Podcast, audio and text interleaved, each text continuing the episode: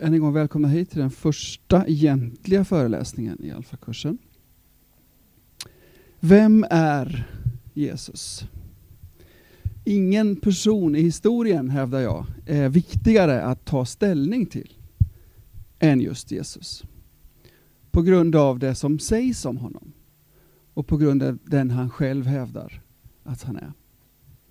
För eh, tre år sedan ungefär så frågade min då 8-9-årige son eh, apropå kristendom och islam. Vi eh, bor vanligtvis i Turkiet så vi, vi liksom möter eh, andra religioner, annan kultur dagligen i, i, vårt arbete och i vårt liv där.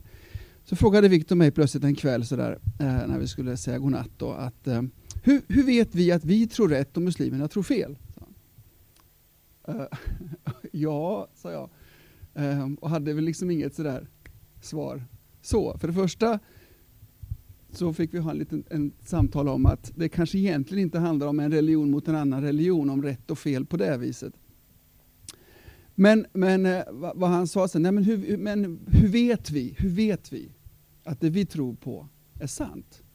Och, och det de säger är sant inte är det. Hur kan vi veta det? tyckte jag var en väldigt bra fråga eh, av en 8-9-åring. Och jag sa, du jag måste fundera lite på det här, så jag. Eh, och bad att få återkomma, för jag vill inte bara slänga ur mig någon, någon liksom färdigt svar, någon klyscha, för sådana finns det ju.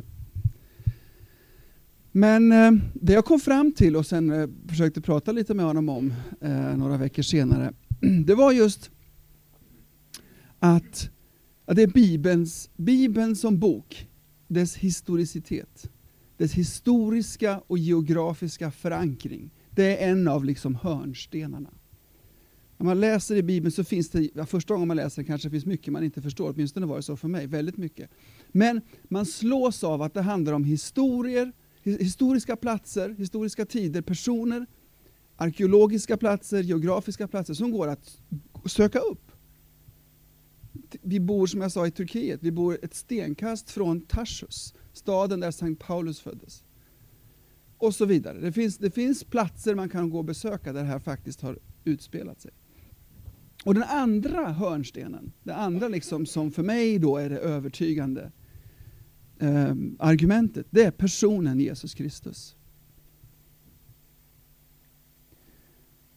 Som jag sa så handlar det inte om en religion är rätt och en annan religion är fel. Alltså egentligen så handlar det inte om, om religion överhuvudtaget. Jesus startade ingen religion. Han pratade inte om religion. Han nämnde överhuvudtaget inte ordet kristendom. Vad han gjorde var att han öppnade en väg till en relation med Gud.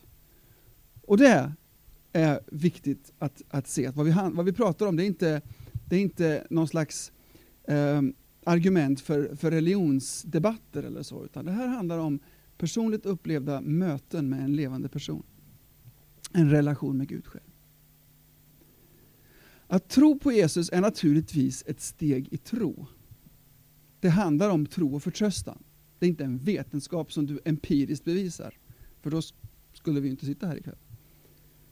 Men det är inte ett steg i blindo. Och Det är lite av poängen med, med kvällens föreläsning. Det finns historiska och andra bevis för det vi tror på. Så jag säger det igen. Det är ett steg och ett liv i tro, men det är inte ett blint, en blind tro, ett hopp ut i, i tomma intet. Så låt oss bara titta på några av de um, viktigaste frågeställningarna. Nu har, min klocka, batteriet har stannat, så jag har ingen klocka och det är livsfarligt. Så någon kanske kan börja vinka när det blir för, för långt här. Det är för långt redan? okay. du, jag tittar här, då löste vi det.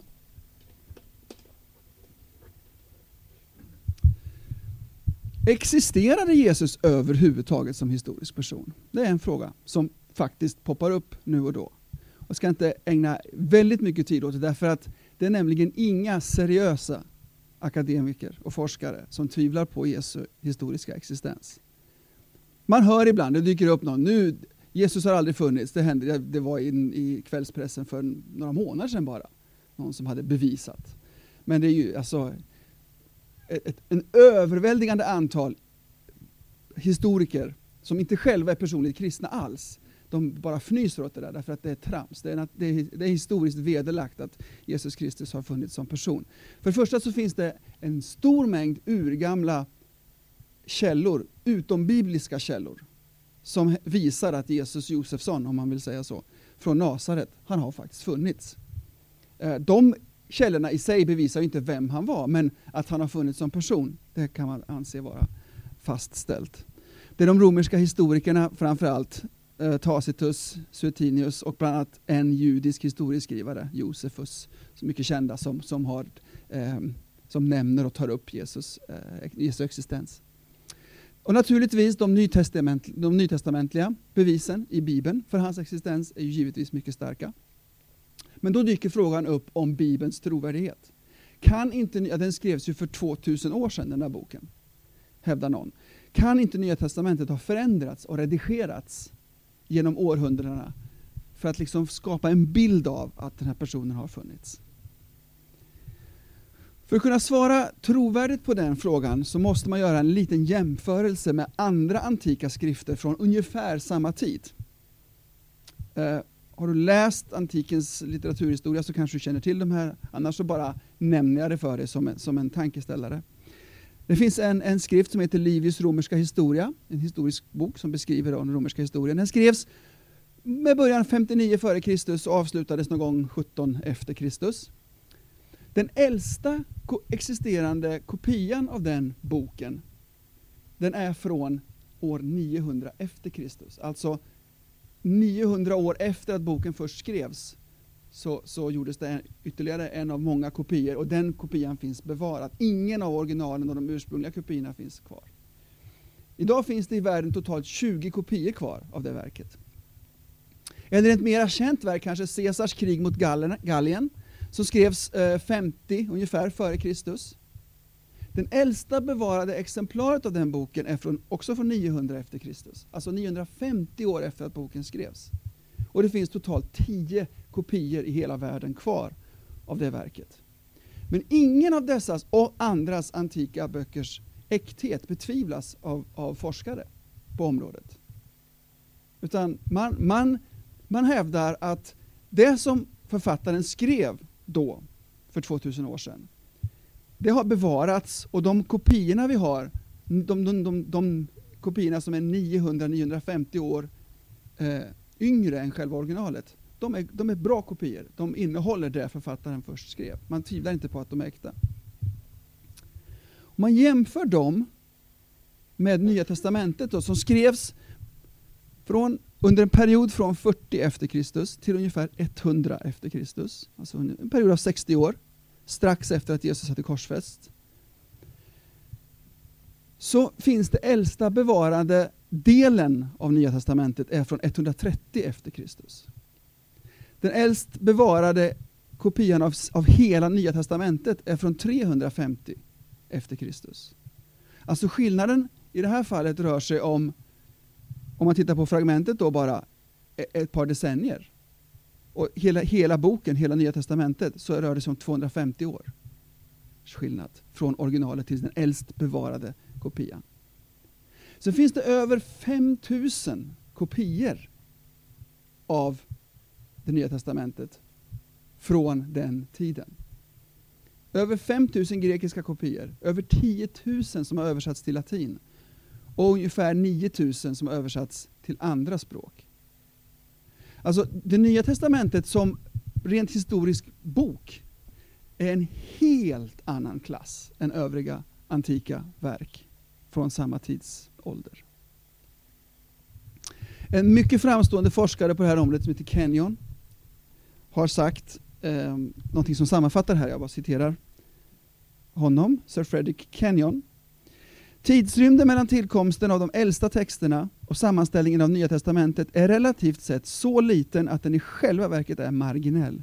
Och de sista grunderna för eventuella tvivel på att de skrifter vi har tillgängliga i allt väsentligt stämmer med de ursprungliga texterna är nu undanröjda. Såväl äktheten som helhetsbilden av Nya Testamentets böcker, Nya Testamentets böcker måste betraktas som slutgiltigt fastslagna.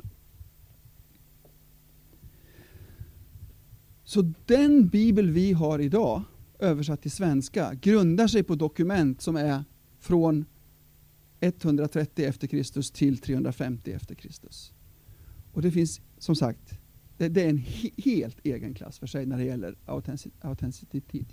Ni vet vad jag menar. Riktighet, korrekthet. Jaha, Jesus har funnits.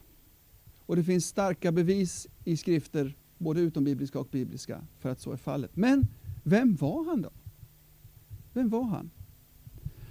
Nu, särskilt de sista eh, årtiondena så har man bedrivit väldigt intensiv forskning på många universitet kring just den historiska Jesus.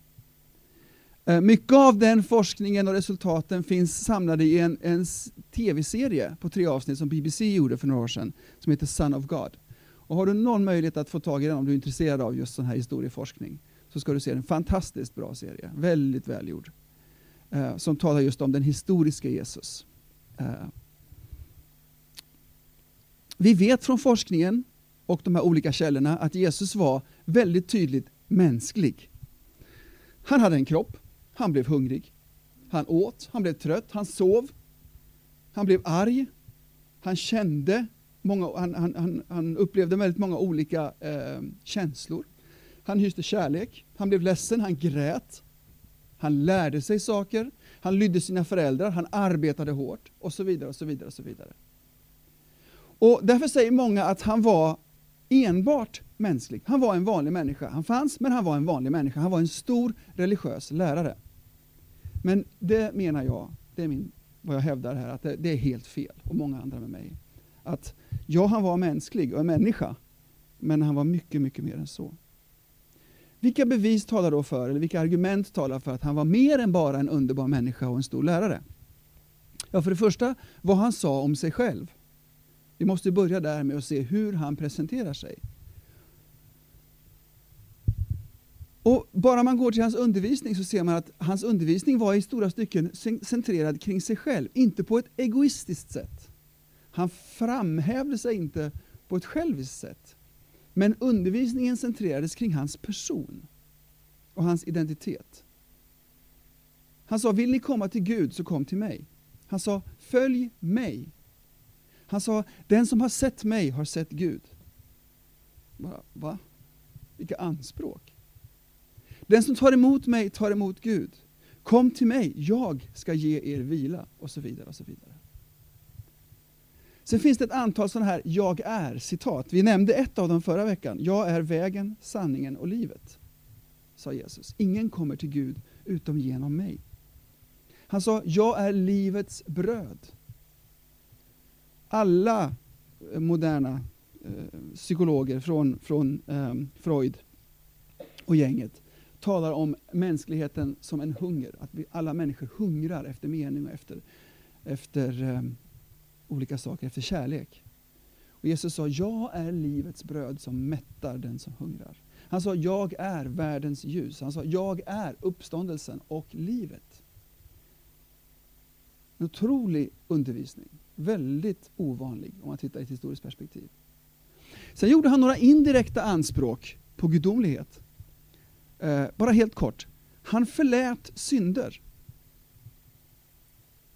Han förlät övertramp och överträdelser som andra människor hade begått. Inte mot honom själv. Jag menar, det är väl en sak om någon trampar mig på tårna och säger ursäkta mig. Ja, jag ursäktar dig. Det kan, har jag rätt att ursäkta en person som gör mig illa. Eller om det är till och med någonting värre än att han trampar mig på tårna. Men Jesus förlät synder som människor hade begått mot varandra eller mot någon annan.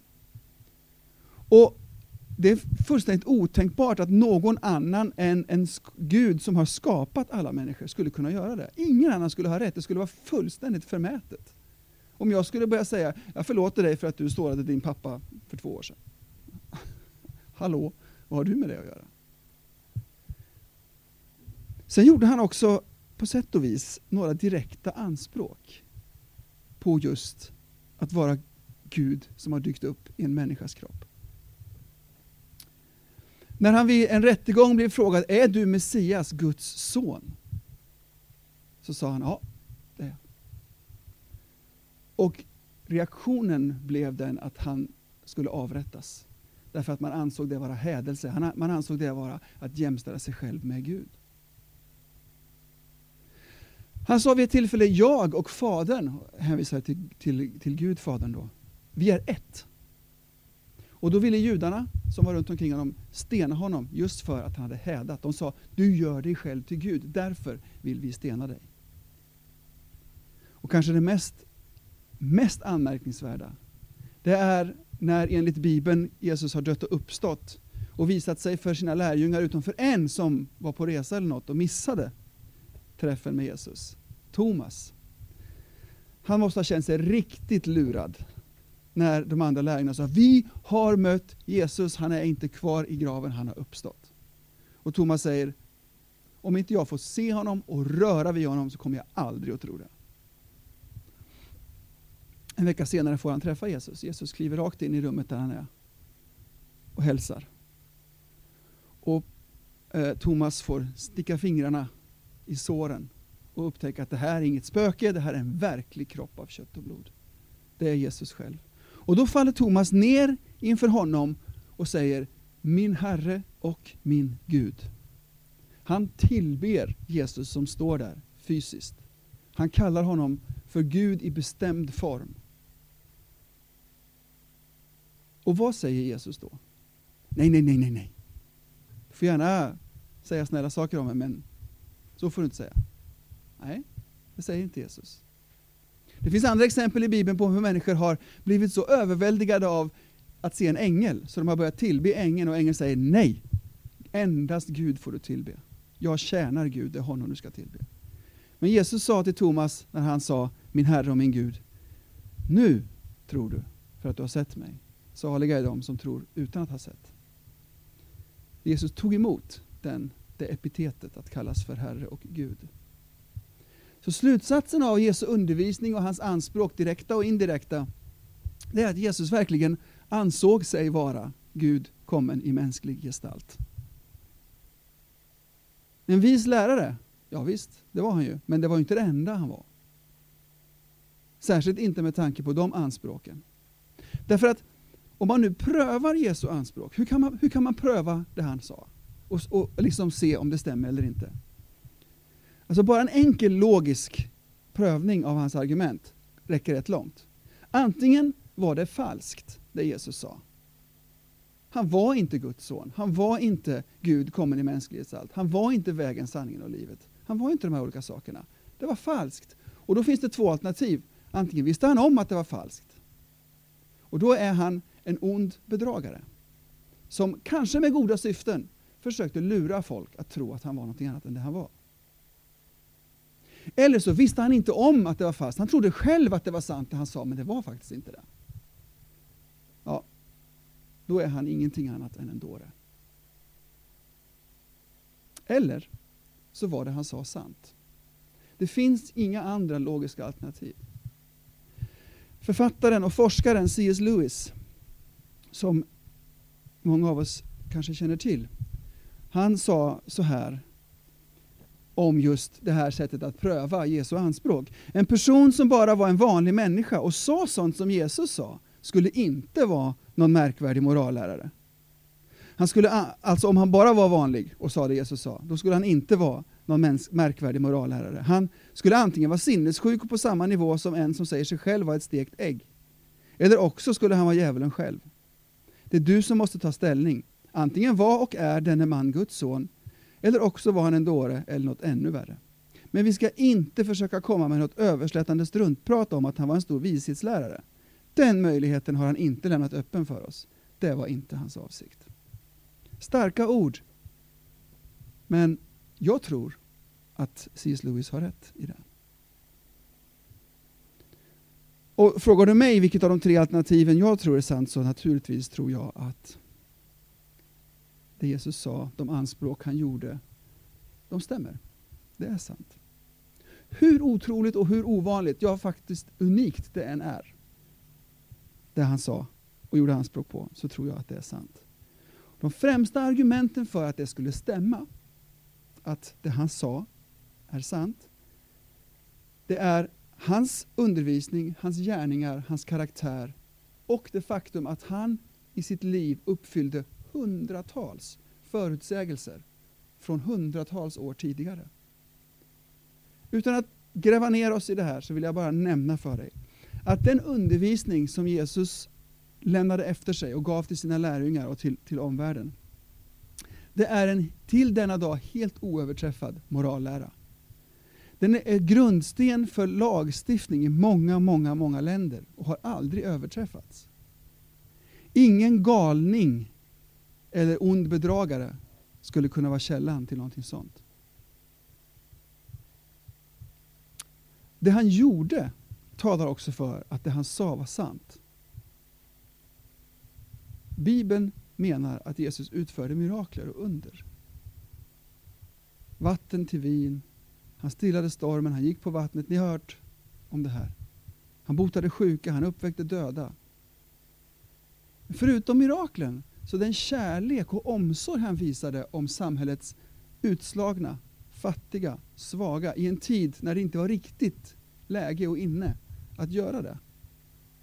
Talar också för att han var åtminstone väldigt ovanlig. När han dog på korset, Bibeln menar att han dog som ett straff för din och min synd, för att rädda oss från vårt straff. Så, så gjorde han det frivilligt. Han sa, det är ingen som tar mitt liv, jag ger mitt liv av fri vilja. Och han bad för dem som spikade fast honom på korset. Han bad Fader förlåt dem, för de vet inte vad de gör. Inget psykfall eller utstuderad bedragare skulle ha gjort någonting sånt. Hans karaktär. Han var osjälvisk men hade ingen självömkan. Ödmjuk men inte svag. Han gladde sig inte på andras bekostnad. Han, var, han hade vänlighet men inte undfallenhet.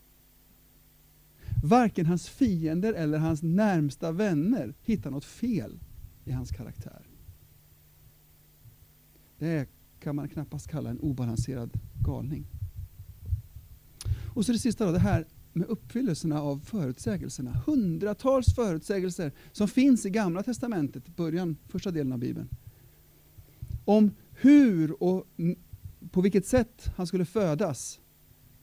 Förutsägelser om hans familj, hans liv och hans död. Och mycket, mycket annat. Även en väldigt slug och beräknande person skulle aldrig kunna iscensätta de här händelserna för att på något vis se ut som om han vore Guds son. Därför att många av förutsägelserna handlar om andra människors reaktioner och andra människors handlingar gentemot honom.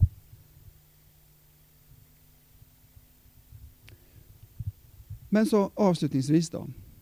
Det främsta beviset på att det Jesus sa att han, äh, sa att han var, att det stämmer, det är ju uppståndelsen. När Jesus Kristus hade korsfästs och dött så uppstod han från döden efter tre dagar, säger Bibeln.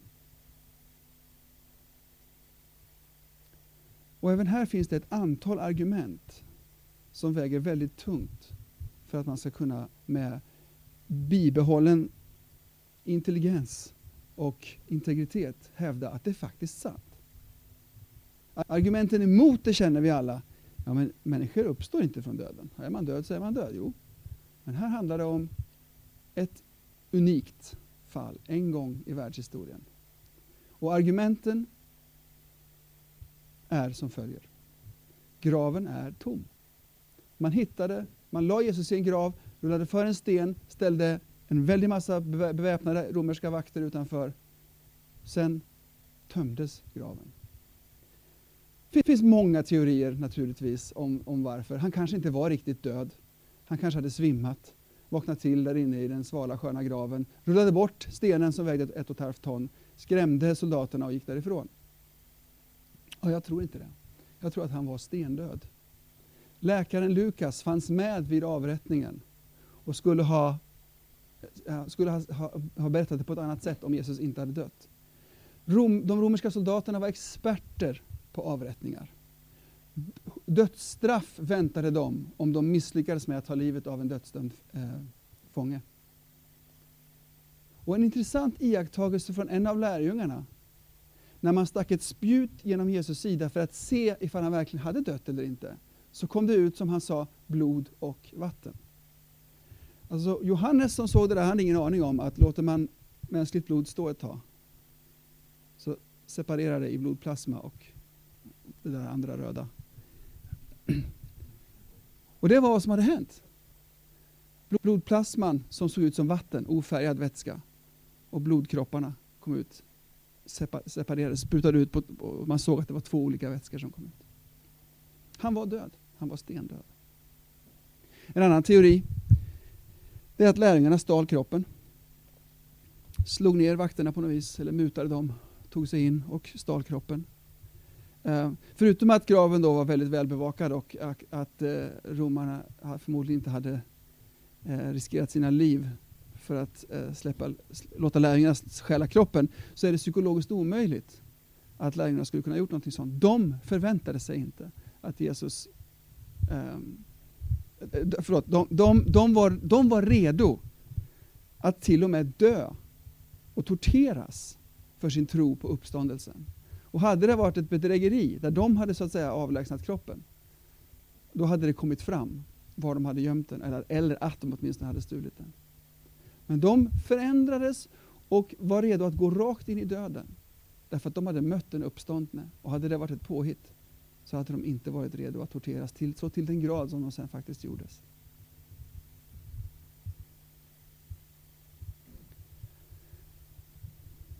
En fascinerande ett fascinerande argument eh, för att Jesus uppstod på det sätt som Bibeln säger, det är att den svepning som man hittade i graven, att, vi pratar inte om den här eh, Turinduken nu, utan den svepning som lärjungarna hittade där inne, den var tom. Men det är beskrivet på ett sätt så att man förstår att den var som en, en puppa, där fjärilen har, har flugit ut. Fast utan att den är så att säga ut, av, sönderklippt eller, eller, eller upprullad. Jag vet inte om ni har sett filmen The Passion of the Christ. Uh, det finns mycket att säga om den filmen. Uh, men just slutsekunderna när Jesus uppstår och svepningen, den duken som han var helt inrullad i, kroppen var inrullad i, när den sjunker ihop. En väldigt stark bild av hur Jesus så att säga, inte vaknade upp och rullade av sig binderna och, och klev ut, utan hur han på ett på ett övernaturligt sätt uppstod från döden och klev ut ur graven efter att änglar hade öppnat, rullat undan stenen. Den tomma graven talar ett tydligt språk om att Jesus faktiskt uppstod från döden och att hans anspråk får anses vara bevisade. Sen visade han sig för över 500 människor efter döden. Det var inte en liten grupp fanatiska troende som, som liksom peppade upp sig själva till att kanske ha sett en glimt av den uppståndne Jesus. Nej, för det första så trodde de inte att han skulle uppstå. De var helt desillusionerade och satt och gömde sig i ett rum, rädda för romarna och judarna. Men de såg honom. Och förutom dem så var det över, som sagt, över 500 som såg honom. Det finns hallucinationer, det, det har vi säkert hört talas om. Men masshallucinationer förekommer inte.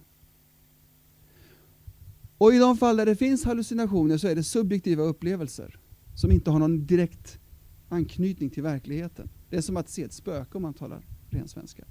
Men lärjungarna beskrev hur de kunde röra vid Jesus. Hur Jesus åt fisk vid ett tillfälle och hur han faktiskt vid en gång lagade frukost åt lärjungarna. Som de sen åt och drack. Han undervisade dem under många dagar, under en period på 40 dagar efter uppståndelsen var han tillsammans med lärjungarna och visade sig för dem och som sagt 500 andra. Ett annat argument för att uppståndelsen har ägt rum, det är effekten på de troende. Från att ha varit några outbildade fiskare och skattmasar till flera miljoner efterföljare över hela den då kända världen på 300 år. Den utvecklingen och den effekten skedde utan militära kampanjer utan tillgång till en massa kampanjpengar. Och utan att de som trodde på Jesus fick några politiska fördelar. Tvärtom blev de förföljda, arbetslösa, torterade och dödade. Den rent historiska aspekten av utvecklingen efter uppståndelsen talar väldigt starkt för att någonting mycket ovanligt och övernaturligt ägde rum. Och till allra sist då, helt subjektivt, men ändå. Min egen och många, många andras e- personliga erfarenhet talar för att det faktiskt är någonting som har skett. Ja, man brukar säga så här, miljontals flugor kan inte ha fel. Koskit är gott. Så siffror i sig säger ju ingenting. Att många går i kyrkan eller säger att de tillhör den kristna religionen, det betyder egentligen ingenting. Men faktum är att miljontals människor, miljontals människor över hela jorden, från alla samhällsklasser, från alla bakgrunder, från alla länder, kan berätta att de själva har upplevt att Jesus, har en, eh, att Jesus lever och att de har en relation med Gud genom honom. För 24 år sedan så började jag lära känna Jesus. Jag upplever hans kärlek, hans kraft och hans omsorg varje dag. Jag vet att han lever och att han älskar mig och att han hjälper mig. Det är inget objektivt historiskt bevis, men det är ett tungt vägande argument. Innan ni ska dela upp er i grupper, eller fika och sånt där viktigt också först, så vill jag avsluta med ett citat av C.S. Lewis igen. Nu ställs vi inför en skrämmande möjlighet. Antingen var och är den här mannen precis det han själv sa sig vara eller också var han en bedragare eller någonting ännu värre. För mig tycks det klart att han varken var bedragare eller djävul. Konsekvensen blir att jag, hur konstigt och oerhört det än kan verka, måste acceptera att han faktiskt var och är Gud. Gud har landat i mänsklig gestalt på denna av fienden ockuperade planet.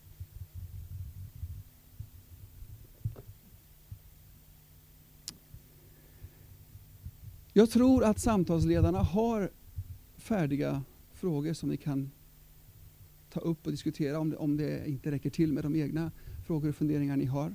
Låt mig också bara kasta ut ett par frågor som samtalsledarna kan krafsa ner eller memorera. Som ni kan ta upp också om det, om det blir läge för det. Vad har du själv för uppfattning om vem Jesus är? Det, det vilken uppfattning du än har är helt okej. Okay. Det är intressant att veta vad du tror just nu och vad du tänker och varför. För andra, hur viktiga är de här historiska bevisen för Jesu existens och hans anspråk egentligen? Och för det tredje, vad tror du om de här tre logiska alternativen beträffande Jesus och hans anspråk? Ond bedragare, lurad dåre eller Guds son? Tack ska ni ha.